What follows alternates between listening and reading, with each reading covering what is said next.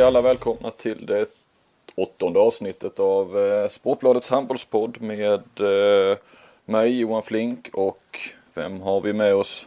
Ja, Kentari är med som vanligt. Precis och dagens gäst har vi med oss från Danmark och hon heter? Isabelle Guldén. Trevligt att ha med dig Bella. Första, första damen i den här Ja. podden. Det var ju spännande. Mm. Eh, vi kommer att snacka mycket med Bella. Eh, det blir fokus på henne lite längre fram i programmet. Men som vanligt så tänkte jag att vi skulle eh, gå igenom lite vad som har hänt sedan, eh, sedan förra veckan. Och eh, du får naturligtvis eh, komma in Bella när du, som vanligt när du känner att, att du vill säga något. Ja. Vad Kent-Harry har du sett för, för matcher sen, sen vi eh, körde senast? Ja, jag har ju försökt att fokusera lite grann på, på eh, svenska spelare internationellt och även i elitserien naturligtvis som är med i, eh, i EM-truppen. Jag har, tittat, jag har sett två toppmatcher internationellt. eh, Berlin-Kiel och sen såg jag en toppmatch i danska ligan mellan Ålborg och Kolding. Mm. Och eh, där fanns ju lite svenska spelare på, på planen i båda matcherna. Ja, vad, så, Eh. vad såg du för? Ja, vilka var Ja, det? alltså om vi ska börja med Berlin-Kiel så, så var det en väldigt viktig match för Kiel och eh, man lyckades ju vinna här med, med 33-29 till slut. Och, eh, eh, fantastiskt. Kiel spelar genom matchen med bara tre 9 spelare och eh, det är Gisha, Palmarsson och Vujin. Eh, inte mycket byte där och frågan är ju kan man klara det en hel säsong med både Bundesliga och Champions League? Ett stort frågetecken. Eh, I Kiel i vanlig ordning så, så byttes eh, målvakterna Sjöstrand på Palicka fram och tillbaka. Sjöstrand började. Palicka kom in efter 17 minuter. Palicka ut efter 47 minuter. Sjöstrand in igen och så vidare. Mm. Tillsammans tror jag att de kom upp i 11 räddningar, säga 27 procent. Jag behöver inte säga mer om det. Eh, Om vi tittar på den tredje svenska spelaren Niklas Ekberg spelade bara sista 15 minuterna. Han, eh, han gjorde två mål på fyra försök tror jag. Han är ju liksom andra val för tillfället i, i toppmatcherna i Kiel. Mm. Och sen när vi tittar på Berlins spelare så, så har man ju hela sexmeterslinjen är ju svenska spelare. Och vad som är, är kul är ju att de spelar ju 60 minuter alla tre i, i samtliga matcher egentligen. Eh, Fredrik Pedersen hade ingen större match den här gången. Han började med att missa en, en lobb. Eh, en straff, strafflobb hade han på, på Sjöstrand. Och den tog ribban. Eh, och han hade ett avslut till, sen fick han inte fler bollar. Jesper Nilsson i vanlig ordning stark både fram och bak. Två mål på två försök. Ordnade ett par straffar. Eh, klart bäste svensk på banan det var Zachrisson som gjorde fem på fem försök. Eh, och är kanske den hetaste högersexan för tillfället i, i Sverige.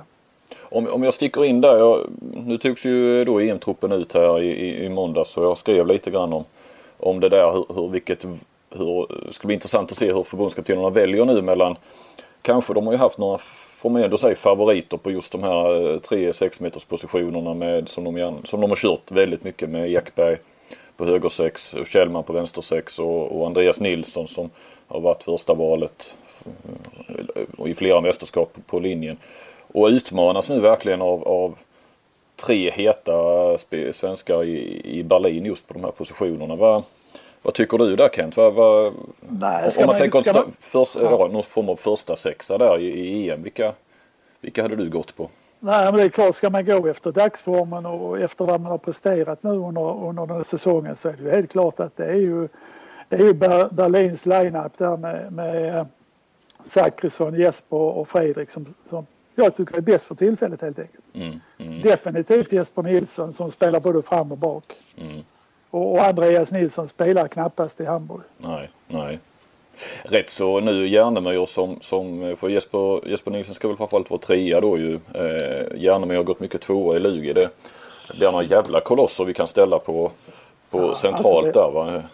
Kan bli ett riktigt bra försvar. ja. Ja. Ja, så går du vidare ja, till Danmark. Ja, jag tänkte bara säga Ja, att den här matchen, för att avsluta den, så, så var ju Vujin den klart bästa spelaren på plan. Alltså serb, serben som spelar högernia. i Kiel. 11 mål gjorde han. Och sen när man tittar på Bundesliga så är det faktiskt Flensburg som leder nu. Men man har en match mer spelat. Kiel är tvåa, Rhein-Neckarlöven. Eh, och Hamburg med där uppe. Det kommer att stå bland de fyra. kan tillägga också att eh, Bergischer, där vi har en trogen lyssnare som spelar, eh, Emil Berggren. Ja. Han får börja ta tag i det här nu för nu har man tappat väldigt många matcher och har ramlat ner på tolfte plats. ja. Så Emil, det är dags att ta tag i det nu. Det är bra Kent. Han lyssnar, det vet vi. Ja, ja, en trogen lyssnare. Eh, Ska vi flytta oss till, till Danmark så var det en verklig toppmatch där i danska ligan mellan de två bästa lagen där. Och där hade vi två svenskar på plan. Jag ska kanske säga att Ålborg vann den här matchen med 33-28 och ja, de styrde och ställde hela matchen kan man säga. Eh, Kolding vet vi har ju ett par viktiga spelare borta. Jörgensson i försvaret och, och framförallt kanske då Kim Andersson som, som är borta. Ehm, Men det ska också sägas, de slog, eh, vad slog de? Kielce ja, ja, utan alltså både de- Jörgensen och Kim va? Så att, eh, Ja, ja, de har gjort det fantastiskt bra utan dem tidigare. Men Ålborg är ett väldigt bra lag som också kan gå långt i Champions League. mm, Lukas Karlsson i Kolding kan man väl säga att han var bra dock utan att glänsa. mm, Och så hade vi Johan Jakobsson i Ålborg som var helt magnifik. Jag skulle nästan vilja säga att det är världsklass där han presterar. ja. Otrolig spänst, eh, fantastiskt skott. Och då ska man ju veta att det var Kasper Witt som stod i mål där i Kolding så det var ju inte vem som helst. Nej, nej. Eh, Och det här tycker jag ser väldigt lovande ut inför EM och jag tror nu när han, när han får det här förtroendet att vara nummer ett så tror jag att han kommer att lyfta sig ytterligare och kan få ett riktigt genombrott i EM. Ja, det, det behöver vi också på Bäst på plan här, Ola Erevik, målvakt för norska landslaget och det var väldigt viktigt för norska landslaget kan jag säga. Ja, I, I danska ligan är det Kolding som leder med 23 poäng. Skjern tvåa 22 och sen Ålborg trea på 21. Eh, när det gäller den här danska ligan kan jag också berätta att Per, per Carlén har fått en bra start med, med två segrar på två matcher. mm, Han har ju hoppat in där som eh, tränare eh, eh, nu ett halvår eh, i Bjärringebro. Och jag tror att de kan bli riktigt farliga i slutspelet. Eh, de har ett väldigt bra lag.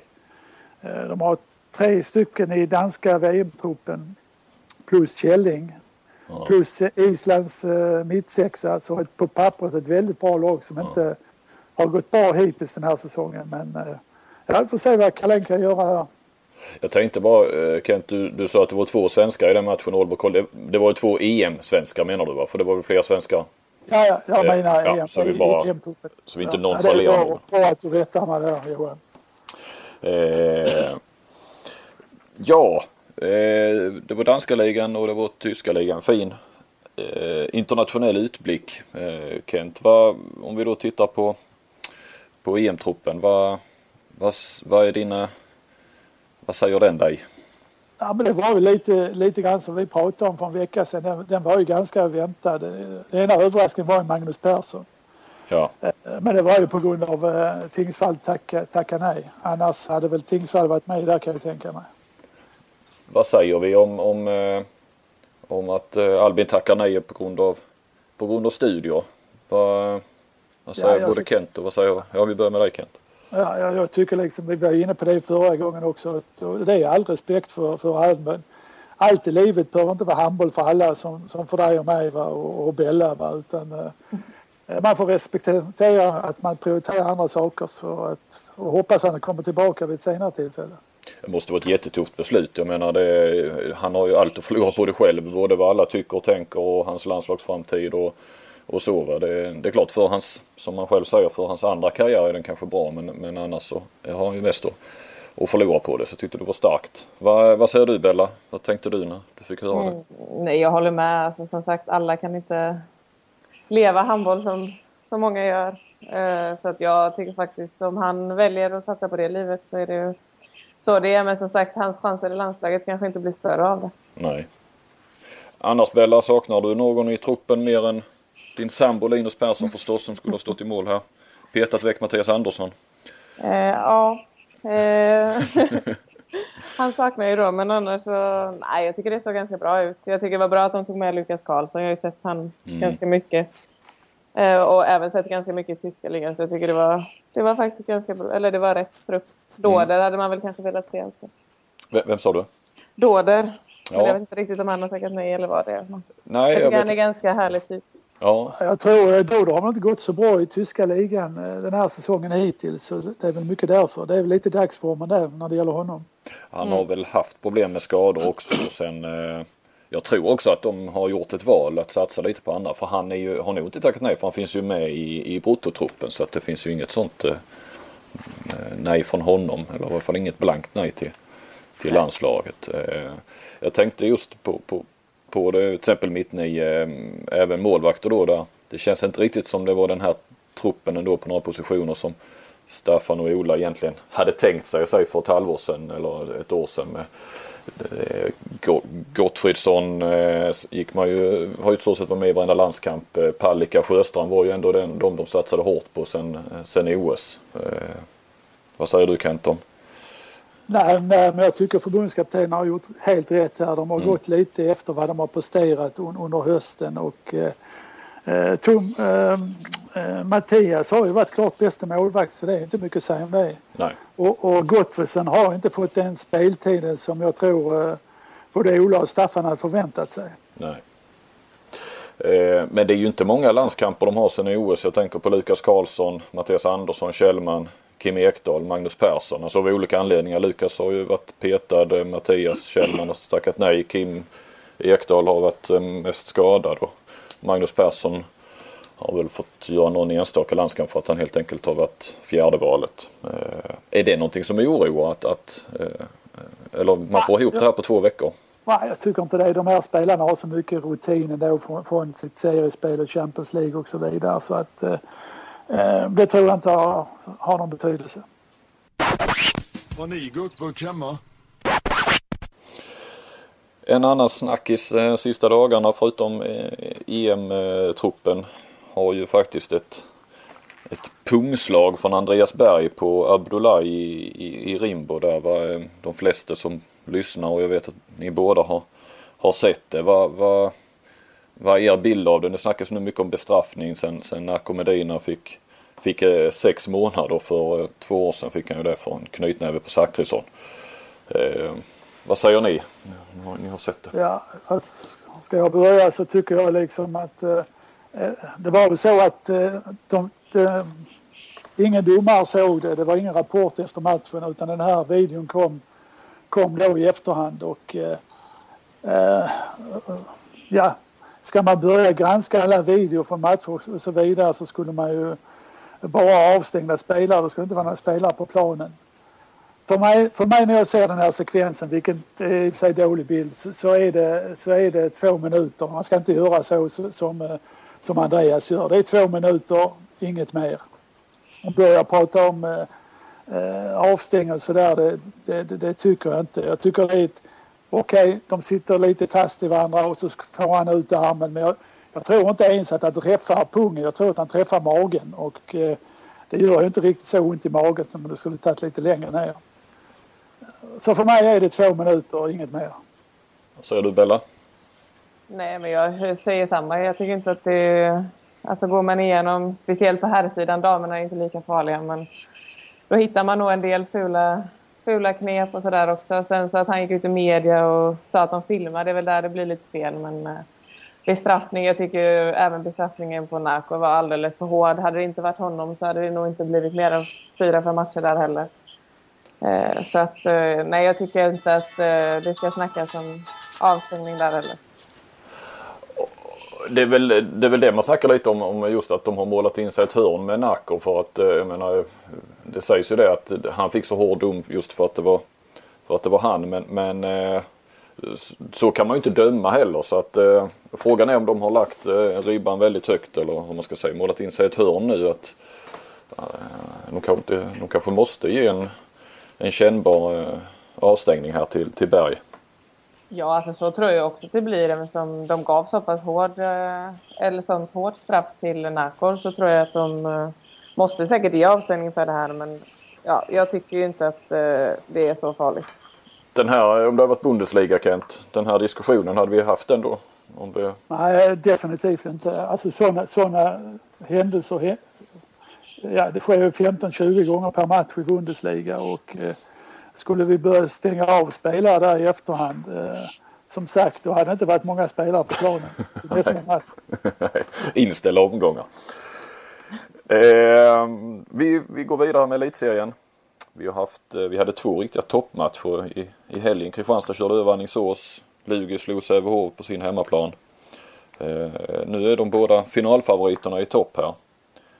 Eh, Ja. Vad säger du Kent? Vi fick ingen anledning heller att ångra faktumet att vi satte Gudmundsson som, som etta på vår lista över elitseriens 25 bästa spelare i höst. Va? Före Aggefors. Han var, då, Gudmundsson var, höll, höll en klass högre just i den här matchen i varje fall än, än Aggefors, eller hur? Ja, jag håller med dig. Det var, det var faktiskt den bästa halvleken. Första halvlek var det bästa jag sett Kristianstad ja, den här säsongen i alla fall. Det är väldigt bra tålamod i anfallsspelet. Ett fantastiskt bra tillbakaspring, speciellt den här högersexan i Kristianstad tog bort eh, Thelander totalt i kontringsspelet. Jag tror det var bra de gjorde ett mål på kontring i första halvlek. Mm, mm. Gudmundsson naturligtvis och sen eh, får man inte glömma Dan Beutler, min gamle målvakt som hade 52 procent mot Aggefors 28. Jag tycker det är rätt kul därför att eh, Beutler hade ju rätt många belackare i början på säsongen. Och man pratar om årets sämsta värvning och så vidare. Ja, eller flop, floppvärvningar verkligen. Ja, floppvärvning. Och det har ju då visat sig vara var den bästa värvningen. Mm. Och det är, det är ingen överraskning för mig och jag vet ju vad han kan och han kommer att bli ännu bättre i slutspelet. Han höjer ju sig uppenbarligen i de här riktigt stora. Han kanske ska vara i Kristianstads kanske ska vara glada att, att de har 5000 på läktaren i varenda match. För jag tror, i varje fall hemmamatcherna. Jag tänk- kan ju tänka mig att Beutler inte är lika inspirerad i, inför om det hade varit 800. Han är ju en inspirationsmänniska. Jag kommer ihåg från Tyskland. eh, Det var på den här tiden man började, började träna snabba avkast. Mm. Och då, då var ju nummer ett att alla sex utspelarna ska springa så snabbt som möjligt. Mittsexan då eh, till mitten och så ska målvakten så snabbt som möjligt kasta ut bollen. Och så hade vi en match. Och sen var det, hade jag en genomgång dagen efter matchen. Och så började jag då med en sekvens där, där motståndarnas högersexa lobbar bollen i mål och kastar sig och hamnar bakom linjen.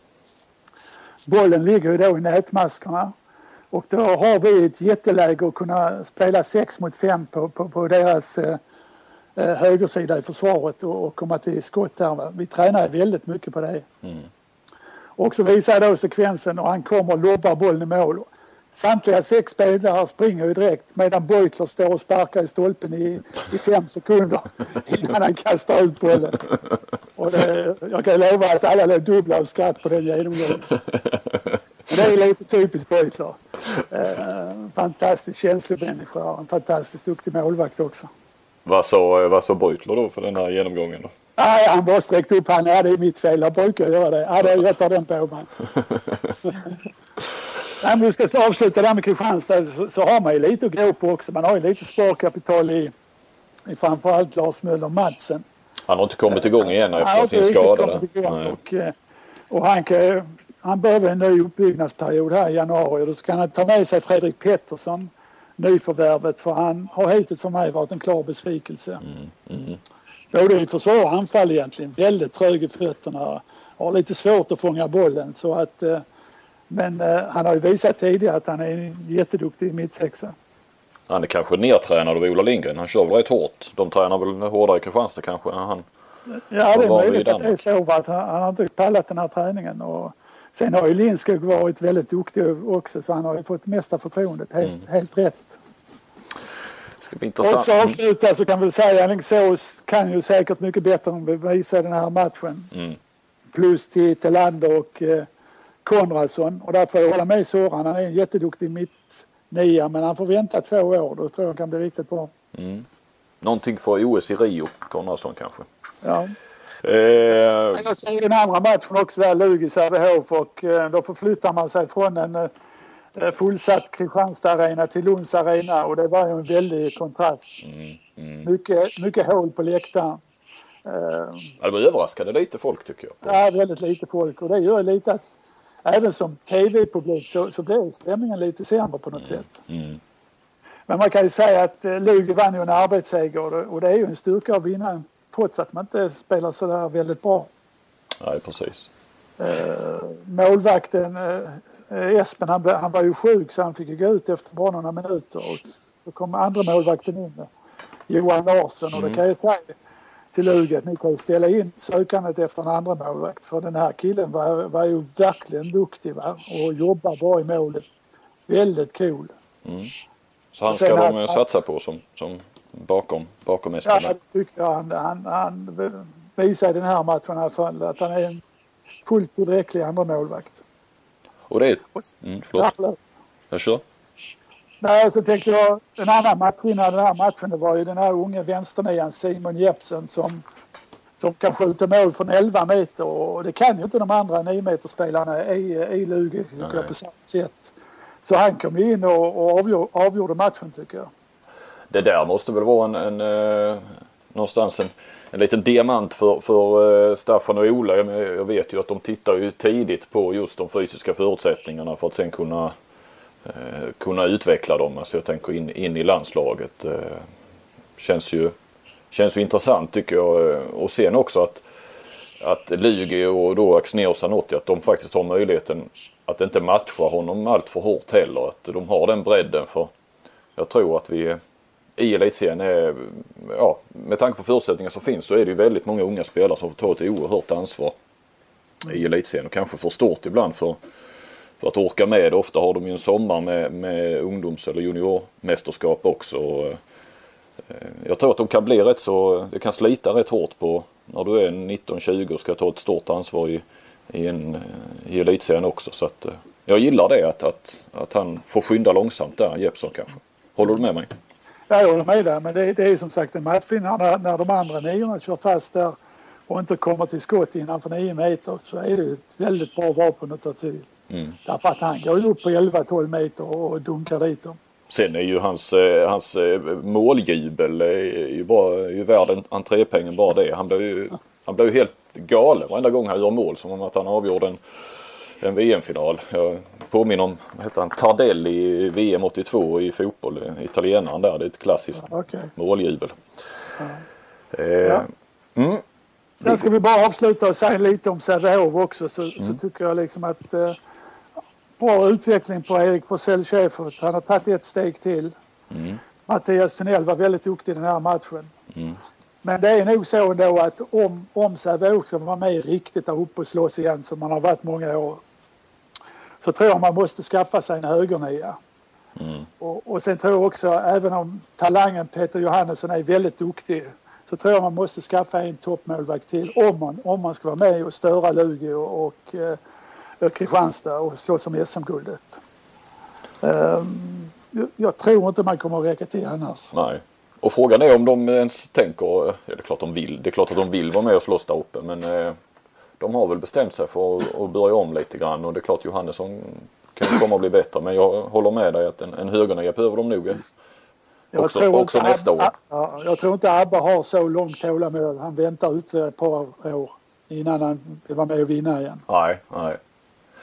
Eh, ska vi titta lite i, i, i den nedre delen av tabellen också. Det, det går inte att komma ifrån eh, Skövde ändå som alltså föll ihop här igår mot, mot Drott. Jag tror de, de ledde med ett antal bollar och släpper in alltså mm, Skövde, äh, Drott får på, i, uppe i Skövde göra 6-0 på några minuter där. Va,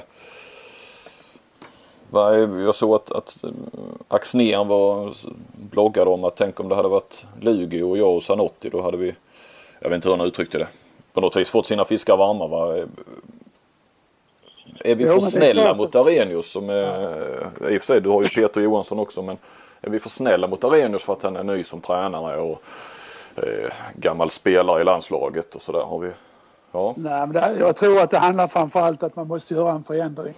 Sen om det är beroende på kvaliteten hos tränaren eller inte, det vet jag inte. Men en förändring det kommer behövas. Och eh, nu tror jag att man hade satt in min gamla spelare Andreas Larsson där som på bänken, i alla fall i den här matchen. ja, Eh, och, Andreas är ju en vinnarskalle, det, det, det vet jag. Men det är klart, han behöver ju mer än en match på sig och kunna få den här förändringen. ja, ja. Nej, någonting måste ju till men jag, jag, jag kan ju hålla med Axnér att ja, Arrhenius och Peter Jonsson har kommit undan rätt så billigt i, i riksmedia så här långt. För jag menar Skövde var väl trots allt ett lag vi trodde skulle bli på topp 6 i varje fall och med de namnkunniga nyförvärven. Men så enkelt är det kanske inte heller att bygga ihop ett lag alltid. Nej, det är det inte. Det här är väl ingen gurkburk? Eller? Ja du Kent-Harry, eh, ja, vi får ju lite feedback här och det är fler som vill höra mer av dig i podden. Va? Det heter att du, det är du som är behållningen och värd hela entrépengen. Så jag att det var någon, bland annat vår, vår lyssnare nere i, i Bundesliga, Emil Bergen, tyckte, tyckte det. Ehm, tänkte bara på en sak, vi har ju snackat rätt mycket ledarskap i, i den här podden. Och du, du har ju jobbat rätt mycket med Torsten Storm nere i Bundesliga. Va? Först i Flensburg och sen i Rhein-Neckarlöven. Han är ju stor där nere men om du skulle så att säga placera honom för, för, för våra lyssnare. Ja, det är ju ofta så att, att de managerna som, som eh, är manager i toppklubbarna de har ganska mycket att säga till om i, i Bundesliga också. Mm. Och när det gäller Torsten Storm så värvades han faktiskt ifrån eh, Kiel en gång i tiden. Jaha. Han jobbade där i marknadsavdelningen under eh, den kände Ove Schwenker som var manager i Kiel på den tiden. Så han gick ju till, till Flensburg och det är ju samma där, där. Man går inte från en marknadsavdelning till en annan. Det är ju mellan Kiel och Flensburg. Det är som tränare byter där mellan eller spelare. Ja, är det någon, jag säga, vad nu, nu får du ta det på uppsot. Så Finns det någon spelare som har gått mellan Flensburg och Kiel?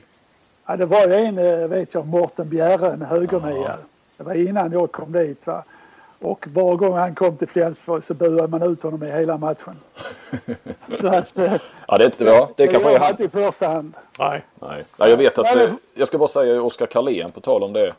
Som eh, när han var i Flensburg och var och varannan toppklubb i Tyskland var ute efter honom. Men då sa han ju det att jag kan inte gå till Kiel. Vet jag, han berättade i en intervju, jag tror det var inför eh, hemma-VM där att, att det, det är ju liksom han. Det var sånt, jag ska inte kalla det hat för vi ska vara försiktiga med sådana ord. Men, men, men det, det var, nej det kunde han inte tänka Ja, det sig. var tufft och det är ju framförallt fansen som... eh, Ja, där hade man fått trubbel, det kan jag lova dig. Ja. Okej, to- tillbaka till Torsten Storm ja. Manager. Ja, han, han hade varit i Flensburg ett år när jag kom dit. Det var han som tog dit mig där och sen eh, jobbade vi ihop där i tre, fyra år tror jag det var va? och vi hade ett väldigt bra samarbete. Men, men kanske nu i efterhand så tror jag det berodde mest på att eh, vi hade väldigt mycket framgång de här tre, tre fyra åren. Mm. Sen eh, värvades han som manager till Rhein-Neckarlöven där han fortfarande är. Eh, de hade då fått ihop en massa pengar, eh, framförallt då med Jesper Nilsson, eh, eh, dansken, men framförallt från eh, SAP som är ett av de största mjukvaruföretagen i världen. Mm. 60 000 anställda och 15 miljoner euro i omsättning. Eh, De har ju bland annat byggt den här SAP-arenan där, Ja. där eh, Rhein-Neckarlöven spelar sina matcher. Och där spelar man ju då både ishockey och handboll. Mm.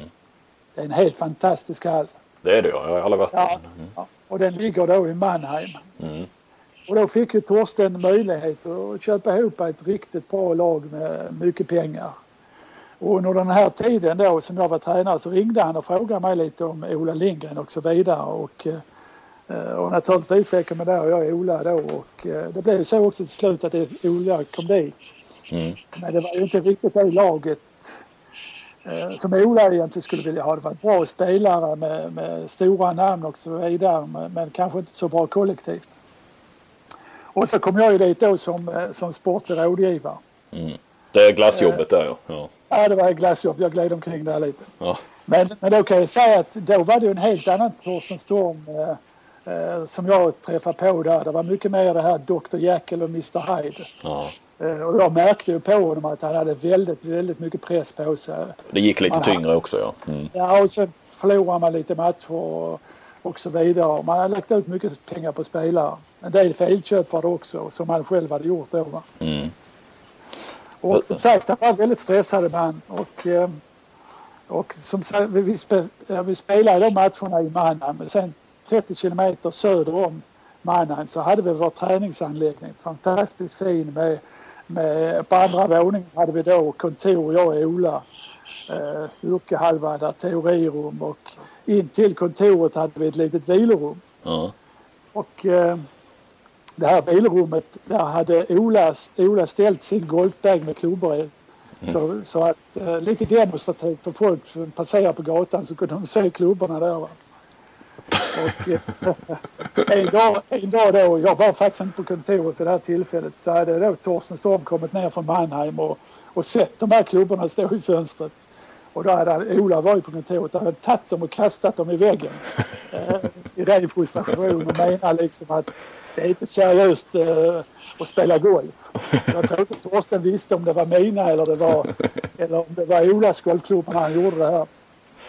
Och jag ska till saken ska jag säga att vi spelade väldigt lite golf där. Då, trots att man hade då eh, eh kanske Tysklands bästa golfbana. Eh, då den ägde också det här SAP som, och vi fick ju spela där gratis. Ja, ja. Eh, men, men på grund av min form vid det tillfället så spelade vi kanske en gång var tredje vecka.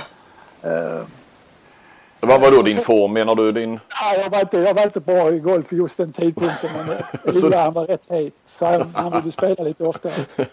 Men i alla fall för göra slut på den här historien så eh, två dagar senare när vi kom till kontoret så hade man tejpat för reklam för fönstret eh, som man inte skulle kunna titta i, som man inte skulle kunna se de här golfklubborna. Ja, vi har skrattat mycket av det här efteråt. Ja, jag kan tänka mig det är många andra sådana här händelser som vi har skrattat gott åt. Ja, du får dra några framöver här i podden. Det var, alltså Torsten Storm, eh, framgångsrik manager i, i både Flensburg och eh, Rein Eckerlöf. Har ni någon kontakt idag? Nej, det, det kan jag nog inte säga. Det kan Nej. jag nog inte säga. Nej. Eh, jag tycker att vi river av vår, vår vadslagning också. Jag skyller dig 200 spänn nu Kent. Ja, jag kan säga att jag är inne i ett riktigt vinnarspår nu. Ja, problemet är väl att du, du börjar tippa med hjärnan nu och inte med hjärtat. Det kanske är där ja. som... Sen jag slutade tippa i Ystad så har det gått bra så kan man säga. Eh, jag tror att vi får titta framåt lite om vi ska hitta något, något eh, ja, bra objekt här. Jag tänkte på Guif Malmö eh, som också är webb-tv-sänd först på onsdag är den faktiskt. vad säger vi där? Du tror? Ja, vi har ju, har ju redan gjort dealen att jag säger Guif Eh, plus fyra. Vinner Guif med fyra eller mer så är hundralappen din igen. Ja. ja. Då har vi nog klarat av eh, de här eh, traditionsenliga punkterna i programmet och så går vi över till Bella. Det är ju Kent som har bokat in dig och han berättade för mig att han fick nyttja hela sin charm från sin storhetstid på 60-talet berättar han. För att, eh, för att få med dig i, i, i programmet. Du tvekade länge ja. Ja. Eh, men... Eh... Till slut så ställde du upp men du hade ett krav ja. Att vi inte skulle fråga någonting om ja, det vi kallar Klingvall Gate del 2 kanske. Det här, den ja, interna kritiken som, har, eh, som avslöjades i, i förra veckan av TV4 var det väl som var eh, först med den. Eh, och eh, jag hade ju förstås väldigt gärna velat ställa lite frågor om det här men, men eh, ja, vi vek oss för ditt krav. Vi vill gärna ha med dig. Eh, och eh, å andra sidan kanske det här kravet också säger en del om, om hur infekterat det här ämnet är. Eh, spela innan du, ja som sagt du tänker inte ens svara på det så att du fortsätter att vara tyst.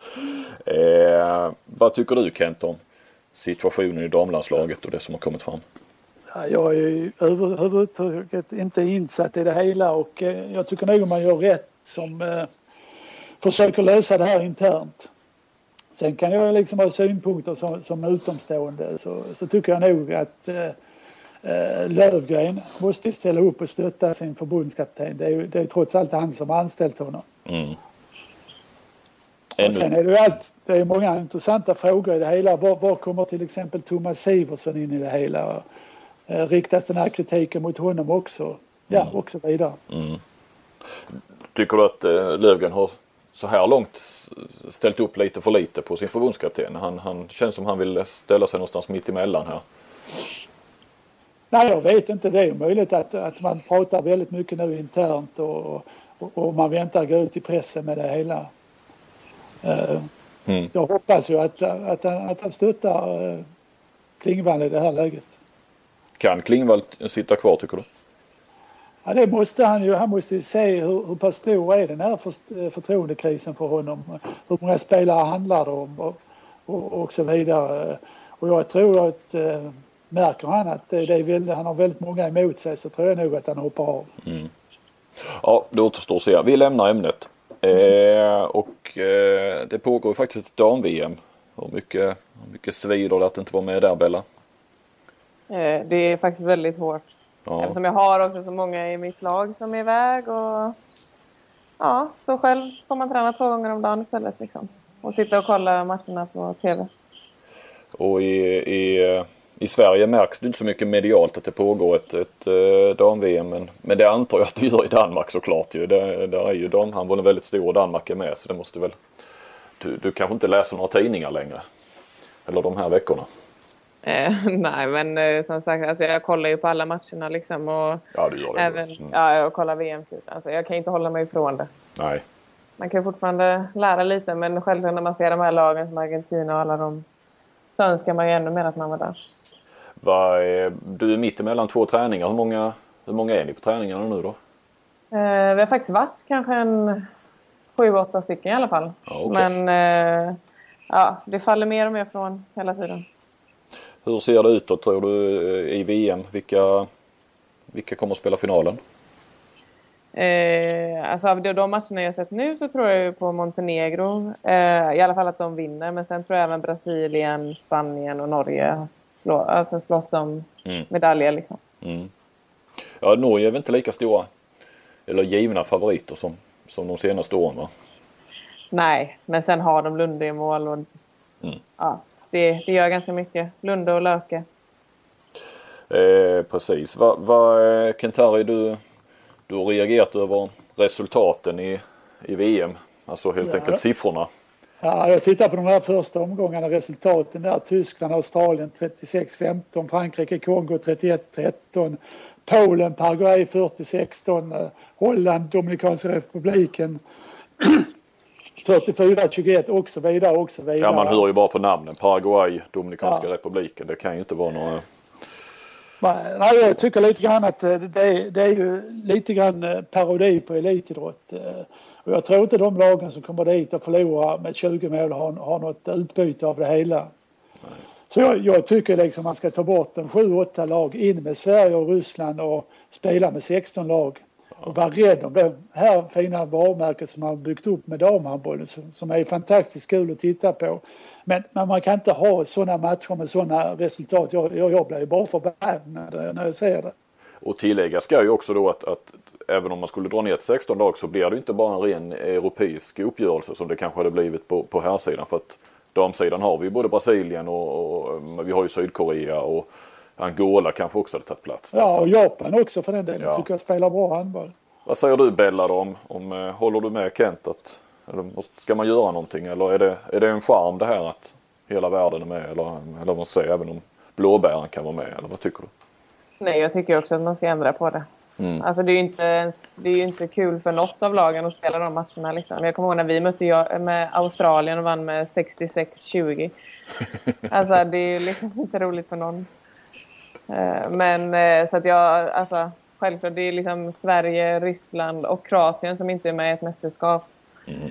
Så att eh, det, jag tycker också att det behöver ändras. Och som du säger, det är ju Brasilien är fortfarande där, Sydkorea och det finns ju många lag som hade platsat bland dem. Mm. 16-20 i alla fall. Ja, precis, precis. Mm. Det, ja, den där, i och för sig kommer väl alltid den här debatten upp när det är eh, VM för inte minst på damsidan, även ibland på herrsidan också faktiskt. Eh, men jag vet inte, det händer ingenting men det är inte en, det är ingen eh, lätt eh, koloss att få, få runt det där internationella handbollsförbundet. Det finns väl bara en person som styr alltihopa, Mustafa. Mm. Det gäller nog för att han ändrar sig så då kan det säkert gå snabbt. Ja. Bella, vad säger du då om, om Sverige i, idag, ert landslag. Ni tog EM-silver 2010 men sen känns det som att ni inte har varit i närheten av att svara upp mot varken prestationen eller de förväntningarna som, som det gav. Eh, vad, beror det på? Eh, har, har ni blivit sämre eller har alla andra lagen blivit bättre? Eh, jag tror ju att vi har blivit sämre. Samtidigt så har vi tappat en del stora profiler. Liksom. Mm. Eh, det var ju efter 2010 så var det många av profilerna som flyttade hem och lite sånt. Liksom. Men eh, fram till de här Polenmatcherna har vi tappat ganska mycket erfarenhet och rutin. Och, men eh, så att, eh, ja. Det är ju som sagt, det ska ju vara ett landslag som utvecklas. Men eh, jag skulle väl säga att vi är sämre än 2010. Det skulle. Mm. Sen så är det ju jämnt. Alltså allt mellan 1 och 10 är ju ganska jämnt. Oftast i mästerskapen. Liksom. Det är, det är liksom tre lag man kan säga kommer topp 5 varje år. Men sen så är det ju, bakom där är det jämnt. Man ser ju Ungern och Tyskland har inte varit med i vissa mästerskap till och med. Nej. Så att, eh, det är klart att eh, jag tycker ju att vi har blivit sämre, det tycker jag. Men eh, ja, det är ganska jämnt där. Mm. Ja, och man ser ju här, herregud på här sidan. Vi, vi missar ju VM senast också och sen så två månader senare så blir det OS-silver så att eh, ni, ni är ju inte de första och enda som har, har missat ett mästerskap av Nej. svenska landslag. Eh, men vad, vad, vad, måste, vad måste ske för att ni ska ändå kunna komma tillbaka? Vi, vi kan inte bara gå och vänta på att vi ska bli klara för, eh, vi har ju ett hemma EM 2016. I och för sig EM är väl betydligt lättare och ni ska kunna ta er till till nästa EM också eh, 2014. Men vad, vad, är det bara att vänta till att de unga utvecklas, att det här laget utvecklas eller vad, vad tror du? Eh, jag tror att man eh, behöver mer internationell erfarenhet. Alltså nu får ju Sävehof det som tur är, men jag tror det behövs mer och jag tror man har inte råd att missa mästerskap. Eh, för man behöver de matcherna, men sen tror jag även att eh, Alltså jag tycker att man behöver utnyttja... Vi har ett riktigt bra lag med bra spelare, men jag tycker att man kanske behöver utnyttja varje spelares individ, eller liksom kvalitet mer. Mm. Eh, så, och sen även att det blir mer professionellt eh, i allt egentligen. Både runt omkring och sen på plan. Liksom. Vad tänker du på, på runt omkring då? Eh, nej, men både med träning och eh, alltså allting egentligen med behandlingar och alltså fysträning eh, och sådana saker också. Alltså jag tror att det är lite allt. I, i landslaget menar du nu eller i, i... Ja, alltså det blir ju både och. Alltså mm. jag tror ju att folk behöver eh, inte träna hårdare, alltså jo träna hårdare också men jag tror man behöver liksom för att komma upp i dem så behöver man det men man behöver även eh, få matcherna till det. Alltså Sävehof får det men det är inte så många andra som, som får den eh, de liksom matcherna på den nivån. Det Hemma går i elitserien? Ja, det går alldeles för långsamt. Ja. Vi hade ju ett gäng 92 år här som, som var väldigt framgångsrika. Vi tog guld i både UVM och JVM och spådde som lysande framtid. Jag tycker det är få av dem som uh, har, har tagit steget in i, i, i A-landslaget. Det är väl uh, Linn Blom, Louis Sand, Eh, tror jag var, som jag kommer på på rak arm.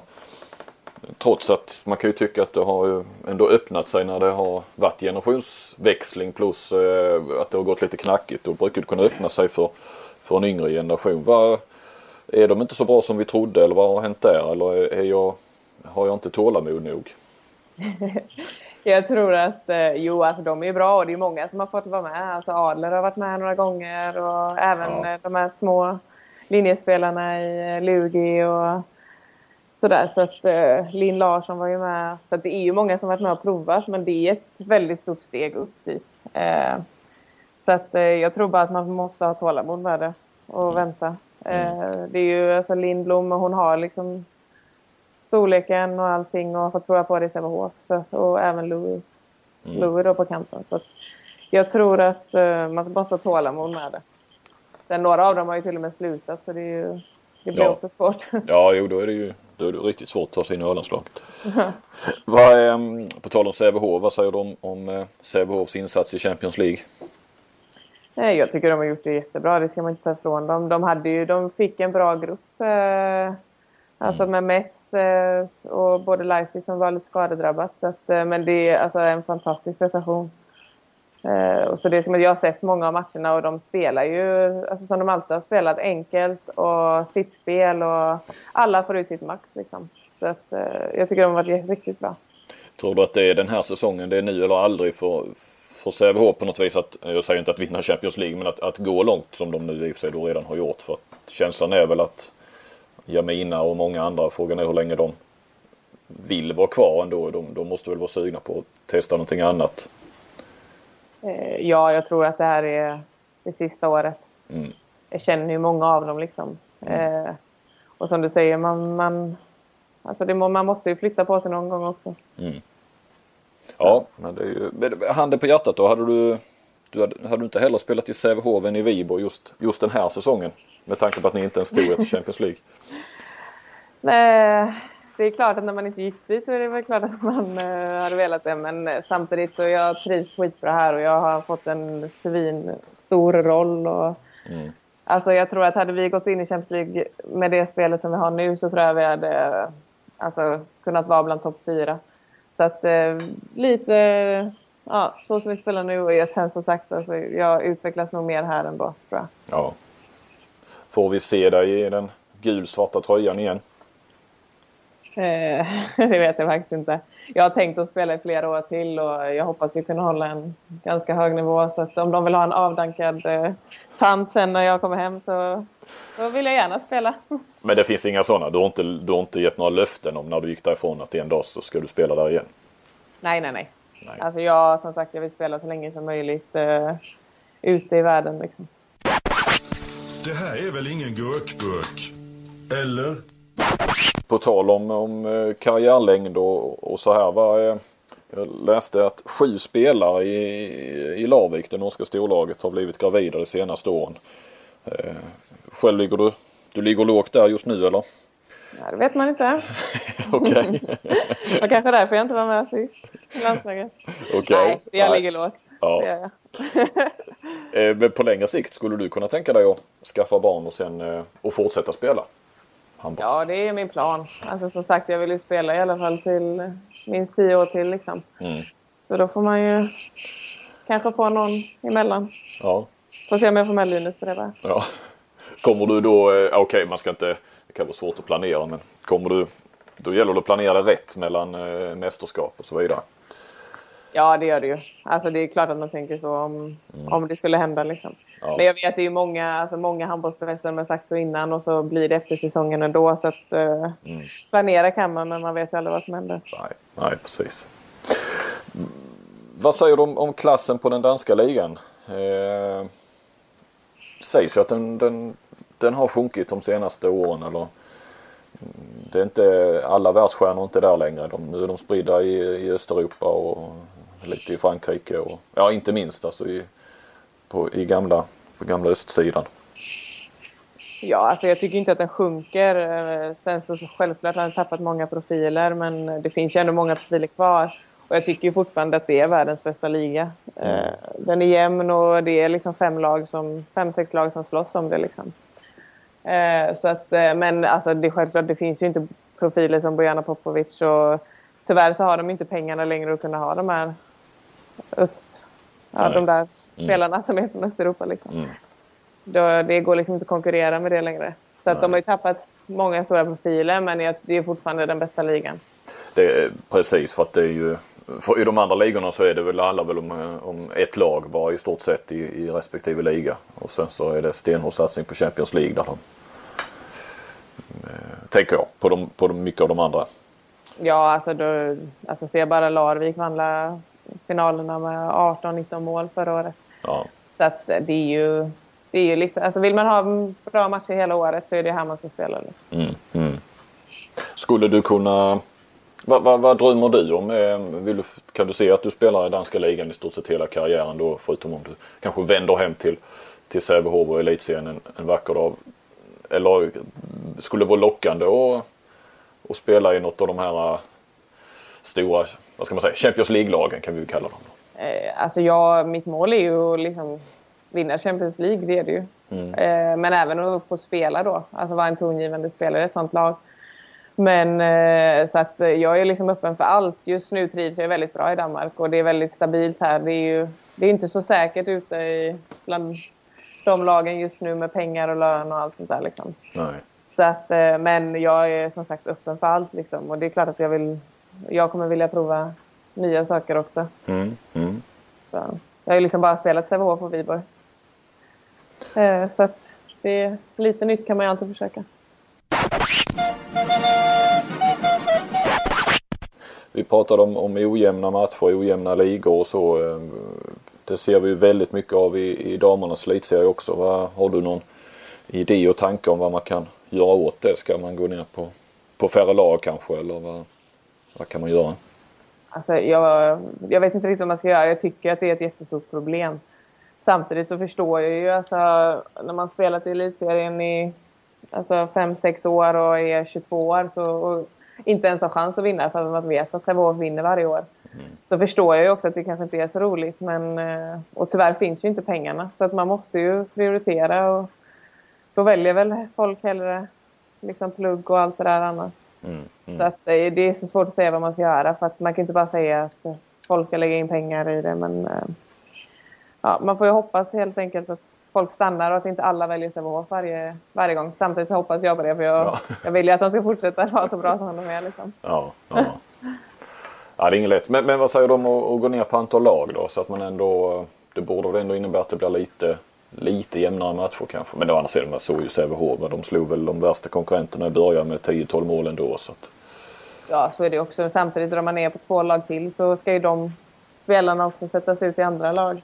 Men eh, alltså jag tror man kan inte ha en serie med åtta lag heller. Liksom. Nej, nej. Så det är svårt, men eh, ja, 10-12 mm. lag, det är väl kanske en tanke. Mm, mm.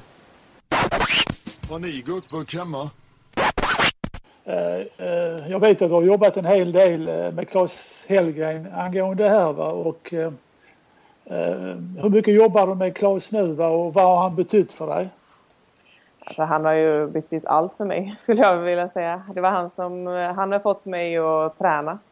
Han har fått mig att tycka att träning är roligt. Innan var jag ju ganska lat och alltså, jag gillade inte att träna speciellt hårt. Alltså, gymmet var roligt för där var jag bra. Liksom. Så att eh, han har ju... Ja, han fick mig att vilja träna och nu, eh, nu är jag ju helt tvärtom. Liksom. Sen hjälper han ju med träningsprogram och han gjorde, hjälpte mig att hitta rätt träningsform, liksom det som passade mig. Eh, men sen även på det personliga planet, alltså är jag på dåligt humör eller eh, alltså självförtroendet inte riktigt finns så ringer jag alltid till han liksom. Han är ju världens mest positiva människa. Ja, han kan man ju alltid ringa om man känner sig lite nere. Det är ju nästan som man skulle börja, ja. börja göra det. Han är fantastisk. Ja. Så att han har betytt eh, extremt mycket. Det är väl han som... Alltså jag började jobba med han innan 2010 där. Mm. I mästerskapet. Så att... Eh, nej, har, han har betytt nästan allt för min handbollskarriär om jag ja. jag, jag, förstår, jag förstår att ni har ett bra förhållande. Han nämner dig gärna ofta, även nu under VM, ditt namn och, och här skulle Bella varit med och det är tråkigt inte bästa spelaren och så vidare. Så att, eh, jag förstår att han har betytt mycket för dig och det är bra att han får lite cred här i podden också för det. Mm. Jag tänkte be sak Bella, har du, du har ju haft många olika tränare samtidigt som du haft hjälp av Klas. Är det någon som har, har tyckt att att det har varit konstigt att du tar hjälp av en annan, eh, ja nu är han väl inte tränare på det viset men har det varit känsligt någon gång? Eh, ja, det är klart att det har det. Mm. Det har varit känsligt ganska många gånger och eftersom Claes står för en annan typ av träning än det här vanliga svenska så alltså vi har ju fått jobba ganska mycket i eh, alltså, Hemlighet? Ja, det också. Men liksom, vi har fått jobba emot vad alla säger liksom, och det är klart att man har fått smyga iväg och träna själv många gånger. Liksom. Mm. Eh, så att, eh, eh, nej, det har varit känsligt för många men samtidigt så har de fått resultat på banan så att de har inte kunnat säga så mycket, många tränare heller. Alltså förra året i Viborg så lät de mig göra mitt liksom. Mm. Och de fick resultat och då säger man inte så mycket. Nej. Du Kent, du som har då varit på andra sidan så att säga. Har du haft spelare som gärna har föredragit en annan tränare, i varje fall individuellt sådär och gått till någon annan? Och hur, hur reagerar ja, sä ja, Säkert jättemånga. Nej, men jag, ingen jag känner till sådär på rak arm faktiskt. Men det är väl klart att alla spelare utnyttjar om de kan få hjälp på annat håll och eh, det, det, har jag absolut inte haft några problem med. Nej, nej. Eh, vad, Bella, du har startat en egen hemsida. Mm. Eh, hur kan det komma sig? Nej, men det är väl mest för, eh, alltså jag tror inte, det är väl egentligen mest att ja, sälja mitt varumärke lite, men även att sprida den danska handbollen till Sverige. För jag tror knappt det är någon i Sverige som vet ens hur det går till. Eller hur det går för oss och Nej. sådär. Så att, eh, ja, men även för mig själv liksom. Mm. Och kunna, jag vet ju att det är, alltså när jag var liten så hade inte jag någon förebild liksom. Och jag vet att det är en förebild för många liksom. Så att även kunna sprida det liksom. Mm. Där, Mm. Så, ja, lite därför. Men inte mycket, du, jag ser inte det mycket på Twitter längre. Ja, men jag har egentligen aldrig varit så mycket på Twitter för att eh, det blir ju så. Alltså när man är i den situationen man är så kan man inte ha så mycket åsikter. Både med landslag och klubblag och allt. Så att man får ligga lite lågt. Så att jag har egentligen inte all, aldrig varit där. Men sen så... Det kommer lite då och då. Måste man det? Den, den, eh, den regeln kan ju inte Emil Berggren ha hört till exempel. Han, eh, han går väl lite sin egen väg. Vad han säger, vad han tänker och tycker. Jag hade också önskat att det var lite mer så. Men eh, det är svårt. Det är det. Mm. Ja, jag förstår det. För att, ja. Lite tråkigt tycker ju en annan då i, i min roll. Det är, ju, det är ju roligt när ni tycker och tänker förstås. Ja. Men du brukar, får man väl ändå lov att säga, att du brukar väl ändå kunna eh, säga, tycker jag, mer än vad många andra gör. Så, att, så, så trist är du ju inte. Nej, men alltså, man måste ju få fram dem också, annars händer det väl ingenting. Nej, precis. Man kan ju inte vara, vara helt tyst. Nej, även om du är tyst i ett visst ämne just idag. Ja, Ja. jag kanske inte har några åsikter om det. Eh, ja, det vet jag inte riktigt. Vad, eh, Kent-Harry? Nej, men jag, jag har ju bläddrat igenom din hemsida lite grann va? och eh, väldigt, väldigt eh, intressant och speciellt de här eh, videosnuttarna på det när du tränar. Det är jättekul att titta på. Titta på övningarna där och så vidare. Eh, och sen när jag bläddrade igenom här så slogs jag av att även du, liksom jag, äter mycket havregrynsgröt. Det stämmer det? Ja, varje dag. Ja, så jag tänkte vi skulle, vi skulle jämföra vår recept lite grann. Eh, om du ska börja. Eh, Vi jag ska har- jämföra havregrynsgröt, alltså grötrecept nu här ja. Ja, Mm, Okej, Ja. ja. Jo, det, podden att alla är har penna och papper. du, kan- du, kan väl dra, du kan väl dra lite hur du lagar till det. Ja, jag lägger en deciliter havregryn i kastrullen och två deciliter vatten. Sen eh, rör jag om, men under tiden så har jag en deciliter hallon och en deciliter blåbär in i mikron i en och en halv minut. Okej. Ja. Ibland kan det hända att jag har lite chiafrön i, men det är inte ofta. Ja. Och that's it. Ja, kanel och mjölk, men det kommer ju efteråt. Ja, okej. okej. Ja, men det, det, den påminner väldigt mycket om mitt recept. Jag, jag kör då Gyllenhammars eh, fiberhavregryn. Ja, jag kör ICA. Jaha, nu ska ni ha, nu ska ni bli sponsrade av havregryn här också. Ja. Okej, ja. ICA Jag kör, fiberdricka kör jag. Gyllenhammar, jag kör Gyllenhammar och eh, två och en halv deciliter vatten tar jag i. Ja. Och under omrörning i fyra minuter. Små, småputtrande på spisen. Men Jag Eh, bränner ju oftast lite nästan fast sen. Tyvärr. Ja, okej. Jag har inte tålamod. Och så får Linus diska sen. Det gör han inte. Men sen, sen har jag en grej här som inte du har. Jag lägger alltid under kokningen där av gröten så lägger jag in 10 till 15 russin också i, i det hela. Nej, fy, det gillar jag verkligen inte. Vad sa du? Russin gillar jag inte. Nej, okej. okej. Mm. Och efter det så lägger jag upp det på tallrik och sen pepprar jag över ett tjockt lager med kanel. Mm. Därefter så tar jag skivar banan ovanpå. Och i morse hade jag även blåbär eh, ovanpå där. Och det kan jag lova dig att det fungerar som Bamses dunderhonung. Ja, ja. jag hade ju, jag har ju banan i ibland. Ja, Kan jag säga. Det beror lite på hur, mycket, hur hårt jag ska träna. Och det är okej för dig Johan att lägga ut receptet på din blogg. Absolut. Eh, skicka dem till mig så, eh, så eh, ska så, absolut så ska jag lägga ut det på bloggen. Ja. Det låter precis som ett matprogram sen att man ska kunna hitta recepten på hemsidan. Vi har ju sagt att vi ska variera den här podden lite grann så att eh, Ja, det, det är ju populärt med matprogram. ja, helt klart. Vi ligger rätt i tiden. Ja, sen, sen hade jag det här också. Jag, jag hade ju äran att få äta middag med både Bella och eh, eh, hennes sambo Linus och tillsammans med sjukgymnasten Jesper Lindgren för, för några veckor sedan. Eh, vi åt eh, en god middag där på lite mera i Ystad.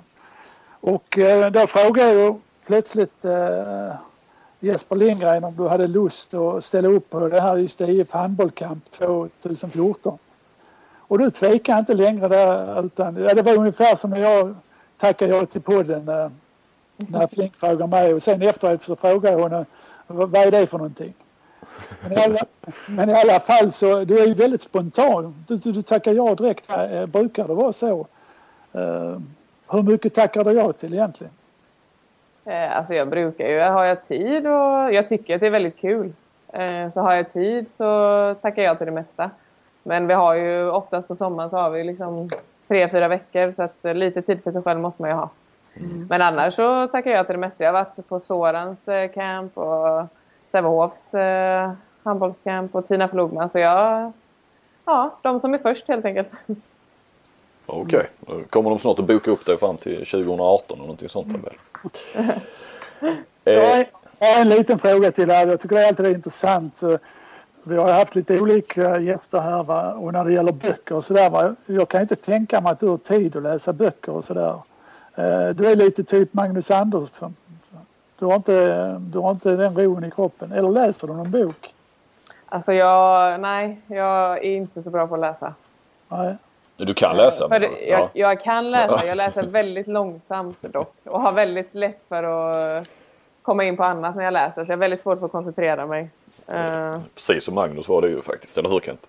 Jo, det var ju så. Men det är, det är klart, ni har ju inte så långa resor i Danmark eller som man till exempel har i Bundesliga. Uh, för där åkte man åtta timmar buss och då var det, ja, det var ett nödvändigt att man hade en bok med sig helt enkelt.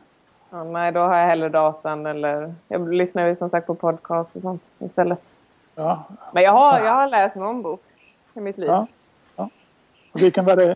Vilken var det? Eh, den senaste var faktiskt en uh, Kvinnan i rummet heter den. Det är en dansk författare. Så jag läste den faktiskt på danska också så det tog extra lång tid. Ja, ja. det är ett bra sätt att lära sig språket. Mm -mm. Bra. Eh, vi tackar ju för, eh, för den här veckan och så gör vi väl ett eh, juluppehåll, eller hur Kent? Va? Jag tror eh, framförallt du behöver det. Du ska ja. ju plugga, plugga alpint och titta på fotboll. Du, du har inte tid med det här nu. Nej, eh, lite, lite så är det faktiskt. Nej då, men det blir ju väldigt mycket handboll i januari sen så att vi får ju se till eh, med tanke på att det är EM och de samlas ju. De samlas redan i mellandagarna men eh, i varje fall jag kommer att punktmarkera herrlandslaget från och med ja, då precis efter nyår där. Så, att, så vi, vi siktar på att dra igång där igen med, med nya intressanta gäster. Eh, då säger vi eh, tack för den här veckan och på återseende om ett par tre veckor. Ja, tack så du ha Bella. Tack själv.